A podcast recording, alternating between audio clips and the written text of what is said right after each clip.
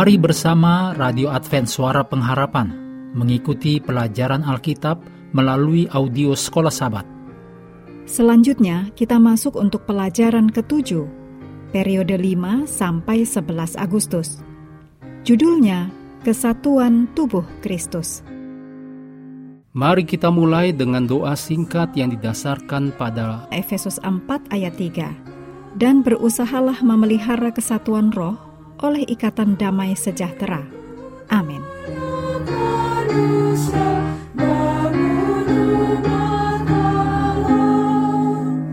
Untuk sahabat petang 5 Agustus, Anda boleh membaca ayat-ayat berikut ini untuk menolong pelajaran sepanjang pekan.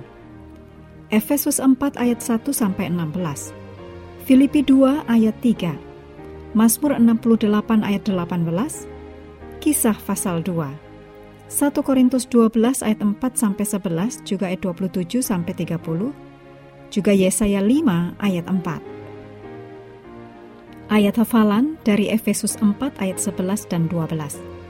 Dan ialah yang memberikan baik rasul-rasul maupun nabi-nabi baik pemberita-pemberita Injil maupun gembala-gembala dan pengajar-pengajar, untuk memperlengkapi orang-orang kudus bagi pekerjaan pelayanan, bagi pembangunan tubuh Kristus.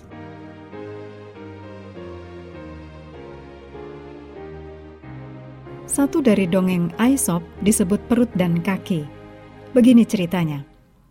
Perut dan kaki berdebat tentang pentingnya mereka – dan ketika kaki terus mengatakan bahwa mereka jauh lebih kuat, sehingga mereka bahkan membawa perut ke mana-mana, perut menjawab, Tetapi teman-teman baikku, jika aku tidak mendapatkan makanan, kamu tidak akan bisa membawa apa-apa. Demikian ditulis oleh Lloyd W. Daly, Aesop Without Morals, halaman 148. Paulus, bagaimanapun, menggunakan tubuh manusia untuk maksud rohani. Bagi Paulus, tubuh manusia dan gereja sebagai tubuh Kristus terdiri dari berbagai bagian dengan kemampuan yang berbeda, yang semuanya harus bekerja sama agar tubuh menjadi sehat.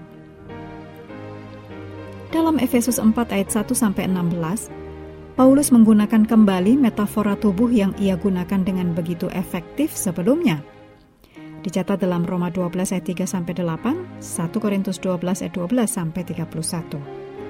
Kristus adalah kepala tubuh, memasok tubuh dengan orang-orang yang memiliki karunia yang membantu mempersatukan tubuh dengan setiap bagian. Setiap anggota gereja menyumbangkan kemampuannya untuk keseluruhan. Gambaran Paulus tentang tubuh yang sehat dan bersatu membuat kita memahami tujuan Allah bagi kita – yaitu untuk menjadi bagian dari gereja yang berbuah yang dipersatukan dalam Kristus. Mengakhiri pelajaran hari ini, kami terus mendorong Anda bersekutu dengan Tuhan setiap hari, bersama dengan seluruh anggota keluarga, baik melalui renungan harian, pelajaran sekolah sahabat, dan bacaan Alkitab sedunia. Percayalah kepada nabi-nabinya yang untuk hari ini melanjutkan dari Mazmur 91. Tuhan memberkati kita semua.